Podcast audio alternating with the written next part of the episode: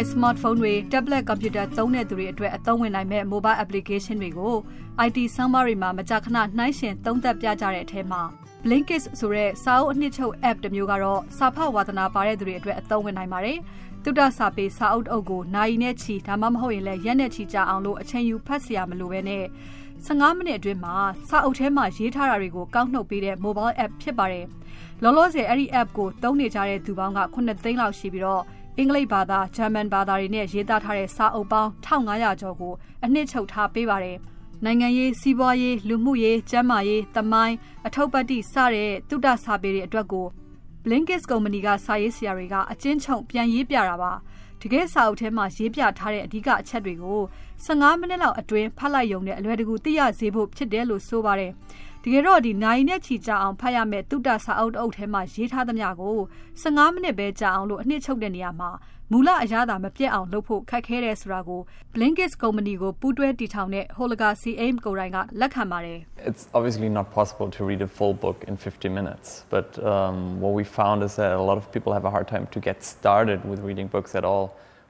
စာအုပ်တုပ်လုံးကို15မိနစ်နဲ့အပြီးဖတ်နိုင်မှုဆိုတာမဖြစ်နိုင်ဘူးဆိုတာသိကြပါတယ်တဲ့။ဒါပေမဲ့အခုခေတ်မှာကဒီစာအုပ်တွေကိုစပြီးဖတ်ဖို့တောင်မှအချိန်မပေးနိုင်ကြတဲ့သူတွေအများကြီးကိုတွေ့နေရတယ်။ဒီလက်ကင်ဖုန်းတွေ tablet computer တွေပေါ်မှာလူမှုကွန်ရက်တွေသုံးကြ message တွေပို့ကြတာနဲ့တင်အချိန်ကုန်နေကြတယ်။နောက်အချိန်ခတ်တူတူအတွင်းမှာဒီခတ်တူတူရေးထားတာတွေကိုပဲဖတ်ဖို့ကြိုးစားနေကြတယ်ဆိုတော့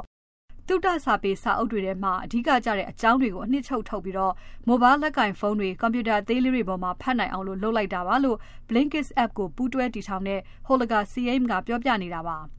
စာအုပ်တုပ်လုံးကို15မိနစ်နဲ့တည်သွားအောင်အတူချုပ်လိုက်တဲ့အခါမှာဒီစာအုပ်ထဲကအနှစ်သာရတွေကိုပြည့်စုံအောင်ပြောပြနိုင်မှာမလားအထူးသဖြင့်ဒီစာရေးသူပေးခြင်းတဲ့အကြောင်းအရာတွေကိုတကယ်ထင်ဟပ်ပေါ်လွင်အောင်လို့ အနှစ်ချုပ်ပြနိုင်ပါမလားဆိုတာကအဓိကမေးစရာပါဒီမေးခွန်းကိုဖြေဖို့အသင့်တော်ဆုံးကတော့ VOA မြန်မာပိုင်း editor တယောက်ဖြစ်တဲ့ဦးကျော်စံသာဖြစ်ပါတယ်ဦးကျော်စံသာကတော့အချိန်ရတိုင်းမှာစာအုပ်တွေကိုဖတ်နေတဲ့သူဖြစ်ပါတယ်အထူးသဖြင့်ကတော့ဒီကဘာတဝမ်းကကြော်ကြားသူတွေရဲ့အကြောင်းအထုပ်ပတ်တိစာအုပ်တွေသုတစာပေတွေကိုဖတ်နေတဲ့သူပါဆိုတော့အခုလိုမျိုးဒီ mobile application ကသုတစာပေစာအုပ်အုပ်ကို15မိနစ်အတွင်းမှာတည်သွားအောင်လို့လုပ်ပေးတဲ့အပေါ်မှာဘယ်လိုမြင်ပါလဲစာရေးသူပေးခြင်းတဲ့အကြောင်းအရာတွေကိုတကယ်ထင်ဟပ်အောင်လို့အနှစ်ချုပ်ပြနိုင်မယ်လို့ထင်ပါလား အဓိကကတော့သုတစာပေဆိုရင်တော့ဒါဖြစ်နိုင်ပါတယ်သုတစာပေဆိုတာကအချက်လက်ကိုပေးတာဖြစ်တယ်ဆိုတော့အချက်လက်ကိုဘယ်လောက်လိုချင်တယ်လဲဆိုတဲ့ပုံမှာမူတည်တယ်အရေးကြီးတဲ့အချက်လက်ကိုစုပြီးတော့ပေးမယ်ဆိုရင်တော့ဖြစ်နိုင်မယ်လို့ထင်ပါတယ်အချက်လက်ဒီမှာအသေးစိတ်တွေလည်းပါမယ်အကြမ်းပြင်းလည်းပါမယ်လွှမ်းခြုံပေးထားတဲ့အချက်လက်လည်းပါမယ်ဆိုတော့သိကျင်တဲ့လူအတွက်အရေးကြီးတာတွေကိုလွှမ်းခြုံနားလည်နိုင်အောင်ကြုံထားရဆိုတော့ဖြစ်နိုင်ပါတယ်ဒါပေမဲ့သူကတကယ်လို့အသေးစိတ်သိကျင်တယ်ဆိုရင်တော့မူရင်းစာကိုလိုက်ဖတ်ပေါ့လေ Blinkist app ကိုတီထွင်ဖို့ Holger Siem နဲ့တငယ်ချင်း၄ယောက်က2013ခုနှစ်မှာ Blinkist ကုမ္ပဏီကိုဂျာမနီနိုင်ငံဘာလင်မြို့မှာတည်ထောင်ခဲ့တာပါ။အခု2016နှစ်ဆန်းပိုင်းမှာတော့သူတို့ကုမ္ပဏီကဒေါ်လာယူရိုငွေ၄သန်းရရှိနေပါပြီ။ Blinkist app ကိုအသုံးဝင်တဲ့ app တစ်ခုအဖြစ်ပြောကြတဲ့ IT ဆောင်းပါးရှင်တွေရှိတယ်လို့မျိုးတချို့ကလည်းအထင်ကရစာပေစုကြီးတွေရထားတဲ့စာအုပ်မျိုးတွေကို အနှစ်ချုပ်ပစ်လိုက်တဲ့အတွက်မူလအရသာပြတ်သွားစေတယ်လို့ဝေဖန်ကြတဲ့သူတွေလည်းရှိပါတယ် I mean there's always people who um, have a negative take on things that technology does um, but there's oh you can always ဤပညာတွေလုံးသမျှအကောင်းမမြင်ကြတဲ့သူတွေကတော့အမြဲရှိနေမှာပဲလို့ Holger CM ကပြောနေတာပါသူ့အနေနဲ့ကတော့လက်တွေ့ကြတာပါလဲဆိုတော့အမြဲသိအောင်လုပ်ပါတယ်တဲ့သူတို့ရဲ့ Blinkist app သုံးနေတဲ့သူတွေကိုမကြာခဏစစ်တမ်းကောက်တဲ့အခါမှာအများစုကစာအုပ်သစ်တွေကိုတအုပ်လုံးမဖတ်ခင်မှာသူတို့ app နဲ့အတူချုပ်ထားတာကိုအရင်ဖတ်ကြည့်တာကိုတွေ့ပါတယ်တဲ့အဲဒီစာအုပ်ကိုအစားဆုံးဖတ်ဖို့သူတို့စိတ်ဝင်စားတဲ့အကြောင်းတွေပါသလားတအုပ်လုံးဖတ်ရလောက်အောင်ကောင်းရလားဆိုတာမျိုးကိုအမြည်သဘောဖတ်ကြည့်ကြသူများပါတယ်တဲ့ သူပြောတာကတော့သူတို့ရဲ့စာအုပ်အနှစ်ချုပ် Blinkist app ဟာ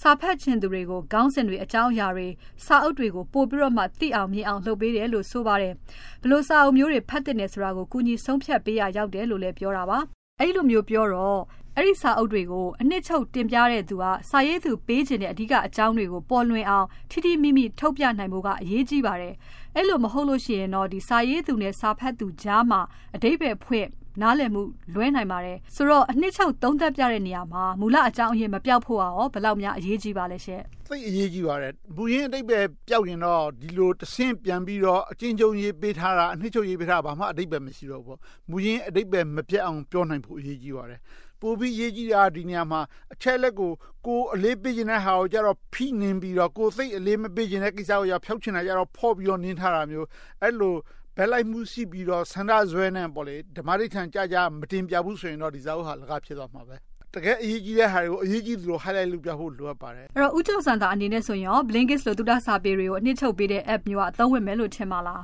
အသုံးဝင်တယ်ကျွန်တော်တော့စိတ်ဝင်စားသွားပြီအဲ့ဒီဟာကိုကျွန်တော်တော့မှအဲ့ဒါကို online မှာ register လုပ်ပြီးတော့ဖတ်ချင်တဲ့စိတ်